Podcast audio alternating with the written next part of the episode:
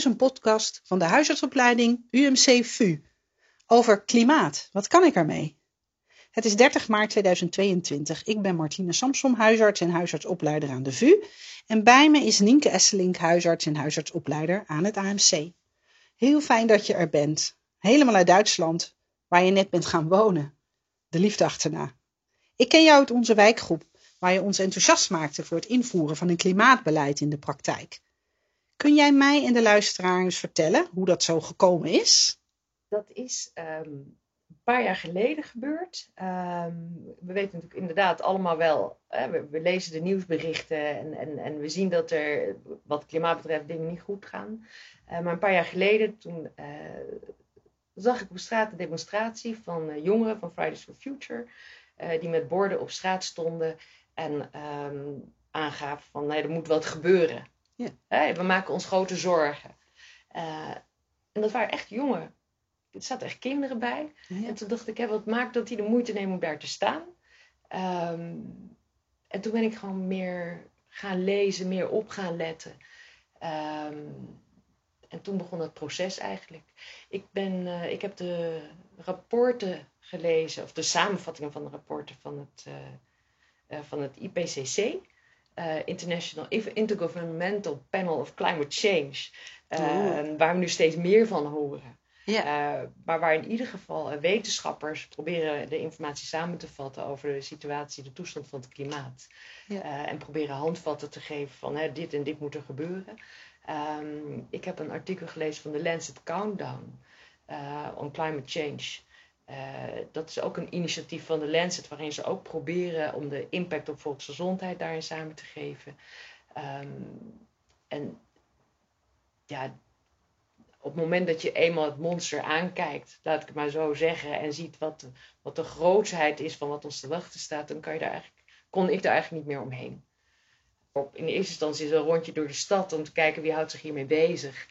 Um, dat bleken dan vooral actiegroepen te zijn. Milieudefensie, Greenpeace, Code Rood, uh, Extinction Rebellion. En toen ben ik uiteindelijk terechtgekomen bij, samen met een groep collega zorgprofessionals, uh, aantal artsen, een verpleegkundige, een fysiotherapeut. Zijn we samengekomen en hebben een groepje opgericht uh, van zorgprofessionals met, met wie we actie zijn gaan voeren. Dus daar hebben we concreet voor het uh, ministerie van Volksgezondheid gestaan. Mm. We hebben een actie gedaan op Utrecht Centraal met artsen om mensen te informeren. Um, Wat leuk. Ehm, alleen toen kwam COVID. En dat type actie, ja, dat ging eigenlijk helemaal niet meer. Eén, ja, je wilde eigenlijk niet bij elkaar komen. Je wilde al helemaal geen mensen uitnodigen om in de buurt te komen. Je wilde vooral dat iedereen binnen bleef met een masker op. Uh, we wilden eigenlijk ook niet bij, bij ziekenhuizen of, of zorgverleners voor de deur gaan staan om allemaal dingen te vragen. Terwijl die natuurlijk ontzettend, we waren natuurlijk ontzettend druk met boosteren en, en ja, je praktijk in de lucht houden. Dus dat werkte allemaal niet meer zo. En voor mij was dat ook een aanleiding om toch wat meer na te gaan denken van... Goh, hoe kan ik dan zelf toch op een constructieve manier, constructievere manier daarmee bezig zijn? En wat betekent dat eigenlijk voor mijzelf uh, in mijn rol als huisarts? Als arts, als huisarts in mijn eigen praktijk. Uh, dus dan ben ik het veel dichter naar mezelf toe gaan halen. Ja, leuk. En wat heb je toen gedaan? Ik ben begonnen met... Uh, ik zag een in ons curriculum aan het AMC zag ik uh, de mogelijkheid voor, zag ik een werkgroep voorbij komen, uh, vergroening vergroen je eigen huisartspraktijk, zoiets. En dat was een werkgroep die, uh, die kon je dan doen samen met huisartsen, met opleiders en met uh, huisarts in opleiding. Dus dat vond ik ook een hele leuke, uh, een leuk idee. En die werkgroep heb ik gevolgd. Er kwamen hele leuke ideeën voorbij. van wat, wat kan je nou eigenlijk zelf doen in je praktijk? Wat wordt er al gedaan? Um, uh, van, eh, een, een, warmtepomp is wel heel erg duur, maar uh, kan je bijvoorbeeld je assistenten financieren om toch een, uh, spaarplan maken voor een elektrische fiets. laat die auto eens een keertje staan, kunnen papier sparen. Nou, allemaal eigenlijk hele praktische dingen. Mijn twijfel zat er toch in van is dat genoeg? Um, omdat ik dacht, het is toch vrijblijvend. Het is een keer een paar uurtjes dat we ons daarmee bezighouden. Um, en ik vond dat toch niet helemaal in verhouding staan met de grootheid van het probleem en, en de, eigenlijk de urgentie die daarbij werd aangegeven. Jij wilde nog meer uh, doen? Dus eigenlijk wilde ik meer. Ja. Um, dacht ik, ja, wat doe ik dan? En toen ben ik maar gaan zitten, heb ik een brief geschreven aan, de, aan het hoofd van de huisartsenopleiding, waarin ik mijn zorg heb uh, gedeeld. Ehm, en aangegeven, goh, we zijn een academie, uh, dit zijn de rapporten die ik lees. Dat, dat is wetenschappelijk onderzoek waarin hele concrete aanwijzingen staan op wat er eigenlijk moet gebeuren. Um, moeten we dit niet naar een hoger plan tillen? Um, met daarbij ook het aanbod. Um, en daar wil ik ook zelf wel wat in betekenen. Kunnen we niet een, werkgroep oprichten? Of, of hè, met een aantal mensen samen dit gaan oppakken en bedenken wat er dan moet gebeuren en hoe we dat gaan doen. Binnen de opleidingen. Binnen de opleidingen. Voor de opleidingen. Ja. want het stond in het medisch contact laatst ook, hè? Van dat er echt te weinig over duurzaamheid in de opleiding zit. Ja. In de geneeskundeopleiding. Dus, uh, en dat was ook wel grappig, want uiteindelijk op, op, die brief heb ik niet rechtstreeks een antwoord gekregen. Um, was, ook wel, was ook prima. Uh, voor mij was het al een hele goede manier om voor mezelf bereid te krijgen wat vind ik dat, wat vind ik dat nodig is. Um, en van daaruit ook te bedenken van, goh, ik moet toch, ik wil graag aansluiting zoeken bij andere huisartsen, huisartsen in opleiding. Uh, zijn er meer mensen in Nederland die datzelfde ervaren? En kan ik niet gewoon die werkgroep op gaan richten zonder daarvoor een instelling verantwoordelijk te maken? Uh, en zo kom ik eigenlijk op het volgende punt in dat proces wat ik heb doorgemaakt. Ik ben gaan lezen in aan het vakbladen om te kijken wie schrijft er nu over duurzame onderwerpen. Toen kwam ik uit in medisch contact bij Iris Wiggers. Yeah. die heeft daar mooie stukken voor geschreven. Die heeft bij het NAG de portefeuille duurzaamheid. Um, en haar heb ik gebeld. Um, en via haar kwam ik terecht bij uh, uh, Jessie Nefke in Utrecht. En die had op dat moment net de werkgroep Duurzame Huisartsen opgericht in Nederland. Um, en daar waren een aantal huisartsen al aangesloten. En en daar ben jij toen ook aangesloten? En daar ben ik aangesloten. En het mooie van die pandemie was van hoe krijg je dan mensen, die paar mensen uit heel Nederland bij elkaar die daar echt mee bezig zijn. Uh, uh, we hadden natuurlijk net geoefend met Zoom en Teams en videobellen. Uh, en in één keer ging dat heel goed. Want we konden digitaal konden elkaar al snel vinden. Dus jullie hadden een werkgroep duurzame huisartsen. Mhm. Hoeveel zaten daar toen in? In het begin zaten daar zes mensen in. Ja. Uh, en nu is dat, um, begint dat te groeien. In de werkgroep zelf uh, denk ik dat we nu met uh, veertien mensen die echt in die werkgroep zitten. Maar die zijn dan wel weer, die mensen zijn dan weer gelinkt aan andere werkgroepen. dat begint nu een beetje te ontstaan. Ja. om, om meer plannen concreet uit te werken. Mooi, ja. En toen ging je verder volgens mij, want toen kwam je bij ons in de wijkgroep ja. vertellen. Ja, ja. toen uh, uh, heb ik dit eigenlijk gedeeld uh, in de wijkgroep. Ik heb daar aangegeven waar ik mee bezig was. ook te sparren van, zijn mijn directe collega's daar ook mee bezig? En wat vinden die daar nu van? Um, en, wat ik, en dat werd heel positief ontvangen. Um, natuurlijk, en dat kan je wel bedenken, is iedereen daar wel mee bezig. Maar heeft niemand tijd en is iedereen druk. En is iedereen ook aan het bedenken van, ja, hoe, hoe ga ik daar dan mee aan de slag? Um, en toen hebben we eigenlijk de afspraak gemaakt dat uh, in de wijkgroepen, dat als ik kennis had of als ik uh, uh, als er dingen voorbij kwamen die ik belangrijk vond, dat ik die kon delen en dat we dan samen konden bekijken van waar is de behoefte. Um, en in dat proces werd eigenlijk al heel snel duidelijk dat de behoefte er vooral in zat dat um, we wilden praktische tips hebben, gewoon praktische handvatten. Wat kan je nou direct doen? waar kunnen we nou direct mee aan de slag zonder het te groot te maken?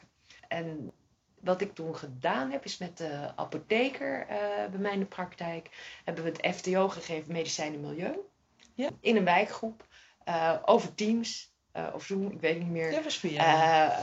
Dus, en dat ging, en, en, dat was heel leuk. En de feedback die ik daarop gekregen heb, is dat iedereen ook zei van, hé, hey, dat is leuk, daar kunnen we direct wat mee. En dat heeft ook direct geleid tot ander gedrag. Hè, van goh, hoe ga je met uh, medicijnafval om?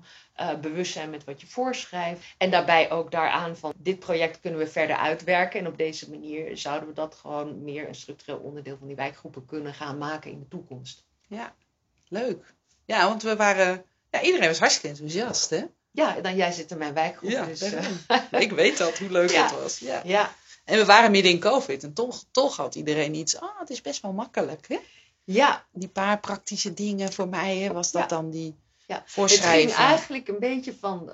hè, wat, je, wat je goed kan begrijpen van het zuchten van, oh, het moet, maar hoe gaan we dat doen? Ja. kwam er eigenlijk een soort gevoel van steeds meer enthousiasme en ook van opluchting van, het kan ook best wel simpel zijn. Een beetje Ja. kennis, een beetje veranderen, net iets anders aanvliegen. Dat, dat kan al enorm veel uitmaken. En dan kan je al echt heel veel gaan doen. Ja, en kun je daar een paar voorbeelden van geven? Want je hebt zelf, ik heb ook toen wat meegenomen uit die praktijk. Ja, Eh, of, pardon, uit, die, eh, uit die, dat FTO wat je gaf. Ja. paar echt praktische punten. Ik denk dat de luisteraar dat ook echt leuk vindt Ja. om te horen. ja. Kun jij nog een paar dingen noemen en die je ook zelf in je praktijk hebt gedaan? Nou, uit dat FTO zijn voor, eh, met name voor de arts een aantal hele handige tips gekomen. Eh, eh, bijvoorbeeld hè, van je kunt beter eh, naproxen voorschrijven dan diclofenac. Hè, dat wordt beter uit het grondwater gehaald. Ehm eh, dosis aerosolen. Die impact, dat wisten we niet. Een dosis aerosol heeft een enorme impact op. op dat geeft enorm schadelijke gassen. Eh, en als je dan een poederinhalator voorschrijft, dan doe je al enorm veel voor het milieu. Als we dat allemaal zouden gaan aanpakken, dan maakt dat echt een verschil. Ja. Ehm, nou, als je dat alleen al weet, ga je er al anders mee om. Ja. Eh, dus dat was ontzettend leuk. Eh, de lidocaïne, die gooien we nu niet meer door de gootsteen, maar die doen we in de gele bak. Dus Ja. dat was heel concreet naar aanleiding van dat FTO. Ehm, en verder, nog wat wil je Dingen horen die ik in de praktijk. heb gedaan? ja, ja. Nou, één ding wat ik heb gedaan, en daar heb ik de verhuizing voor aangegrepen. Ik wilde al heel lang de printers uit de praktijk hebben, minder papier. Eh, maar iedereen hield heel hard aan zijn eigen printer vast. eh, waar ik ook begrip voor heb. Ik ben eigenlijk ook wel zo iemand. En toen zijn we verhuisd en toen heb ik heel top-down besloten van... eh, in de nieuwe praktijk heb ik één grote printer neergezet, centraal. En ik heb alle printers heb ik, opgeborgen in een kast. En gezegd nou, die printers zijn er niet meer. Dat was even schrikken. Maar eh, na twee weken was iedereen er ook aan gewend. En ik heb er niks meer over gehoord. Ah, nou, Ehm, dus eigenlijk werkte dat wel goed. Eh, alleen het is natuurlijk heel onbevredigend. Eigenlijk weet je ook al zeker als huisarts dat je wil niet top-down werken. Je wil, je wil draagvlak hebben. Je wil dat het van onderaf komt vanuit die praktijk. ja. En zo ga je processen echt aan het schuiven krijgen. En ehm, wat ik nu merk, ehm, we zijn meer bezig met, met eh, we letten op, eh, meer op afval scheiden. Ehm, het is meer bespreekbaar. Hè? Eh, vroeger was, zat ik daar met mijn vegetarische broodje en ik heb gisteren getrakteerd op de praktijk bagels en in één keer wilde eh, bijna iedereen eh, vroeg om de paddelburger. Er was nog maar één broodje tonijn. Nou, dat, dat, dus, dus dat verandert. Ehm, ik heb zelf bij de verhuizing, dat kostte wat, maar ik heb een elektrische laadpaal in een parkeergarage laten zetten voor de twee parkeerplekken die we hebben. Ehm, we hebben nog geen elektrische auto's. Dat is een beetje grappig. Ja. Eh, maar we hebben wel de afspraak gemaakt, degene die het eerst een elektrische, die zich een elektrische auto kan veroorloven, die krijgt daarmee ook recht op parkeerplek. Ehm, dus dat is een beetje de grap in de praktijk. Ja, en ja, wie kan zich dat dan veroorloven? Nou ja. hm. Ehm, Cadeautje voor de assistenten. een cadeautje voor de assistent. Ik hoop eigenlijk dat het de assistent is. Maar ja, dat is dat is altijd. doen. Hè, van wie, wie verdient het beste? Want, en wie kan dat dan kopen? Nou ja, Ja. goed. Eh, maar we zijn, we zijn ermee bezig. En ehm. Ja. eh, het bewustzijn groeit. We zijn ermee bezig. Ehm, en wat ik zelf wel in mijn praktijk heel interessant vind, is ik, ik heb nog wel echt behoefte aan meer tools van, goh, hoe, wat is nu een manier dat, ik denk eigenlijk dat je met de praktijk samen plannen moet maken, dat eh, ook collega's, assistenten, praktijkmanager, dat je zelf de kans moet geven dat zij zelf dingen kunnen gaan bedenken ehm, en het van daaruit in de praktijk gaan brengen. Ehm, ik denk dat, dat dan de kans van slagen van die processen veel groter is. Ja, Ik dus kan wel zeggen van, goh, doe dit, doe dit, doe dit, doe dit. Eh, dan merk je eigenlijk dat is frustrerend. Mensen vergeten het, het zit niet in een systeem. Eh, op het moment dat iemand het zelf bedenkt, dan zie je dat, dat en dat weten we ondertussen ook als huisartsen eh, ook heel goed met mensen met wie je samenwerkt. Dat als ze het zelf bedenken, dat proces vaak veel beter verlopen. En, ja.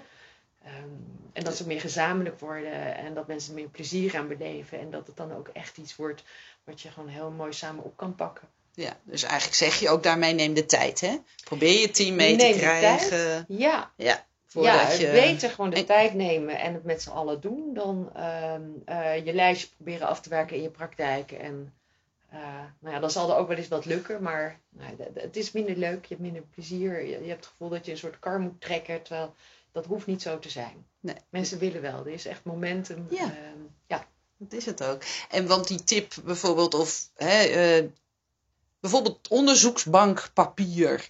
ja. En dan die, dat apart scheiden van, natuurlijk niet als je er bloed en viezigheid op hebt, maar Ja.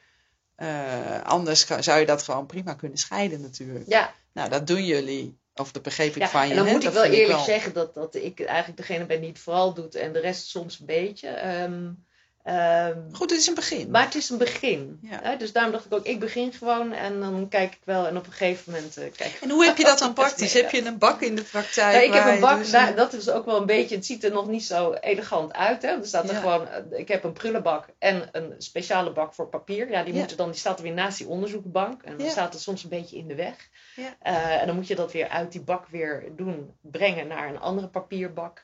Ehm, dus we zijn nog een beetje aan het vogelen met bakken en waar die dan staan en hoe we dat doen. Ja. Ehm, ja, het dat is ook een wel. proces. Het is een beetje Ja. zoeken. Ja. Ehm, en wat denk ik leuk is, en, maar, ja, maar dan steek je al vrij snel door van, hè, van moet je zelf het wiel uitvinden. En, en, en het mooie van het delen van kennis, het, het liefste, het, het mooiste zijn natuurlijk om straks een soort groene teams te maken in de wijk, in je omgeving. Hè, dat begint met je eigen team en dan misschien met andere huisartsenpraktijken. En dat je elkaar kan vragen, hey, hoe doe jij dat? Hey, ik heb iets leuks uitgevonden. Ja. Eh, doe het zo. Zo haal ik uit dit gesprek Ja, dingen hè, weer Ja. van jou. Dat ik denk, oh ja, die kan ik ook weer gebruiken. Ja. ja. En ehm, om dan door te steken inderdaad naar, hè, de, je bent al echt begonnen met dingen die je zelf hebt gedaan en praktische tips.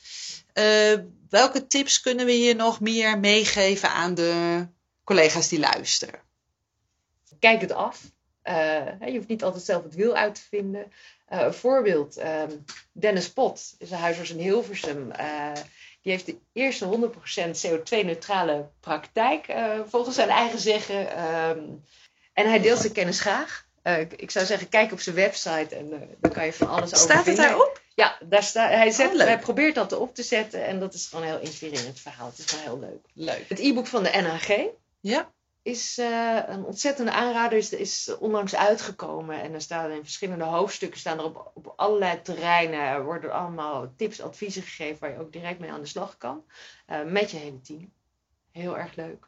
Ehm, nog een tip, kijk naar de website De Klimaatdokter.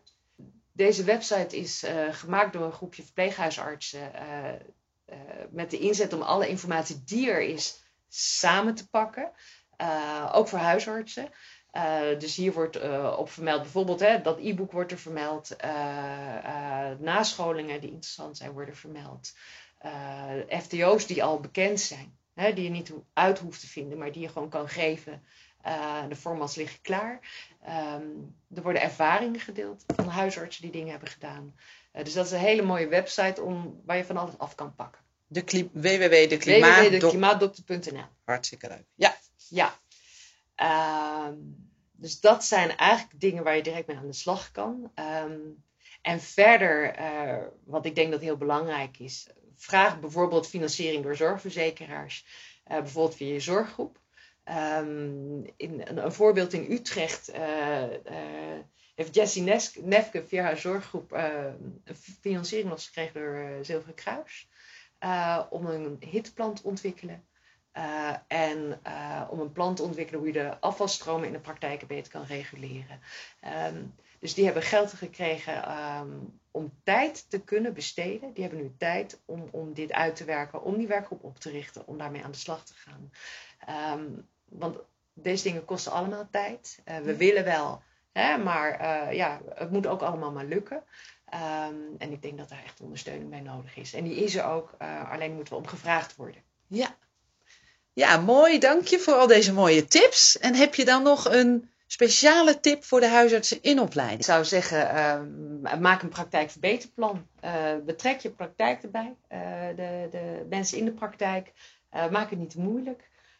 je kan eigenlijk met, soms al met kleine stappen al best wel veel bereiken. Um, en ik denk dat dat leuk is. Het momentum is daar, het is actueel. Doe het, huisarts. Doe, doe het. Ja. Leuk. Ja. Dankjewel, Nienke, voor dit interview. Het gaat je goed in Duitsland. Graag Ik zal deze activiteit, act, dat activisme van jou uh, voor het klimaat wel missen in de wijkgroep. Ik hoop dat wij het op kunnen pakken en verder kunnen ontwikkelen. Ja, vast. Ehm, ik hoop het ook. Dank. Ik vond het heel leuk om uh, hier aan mee te werken.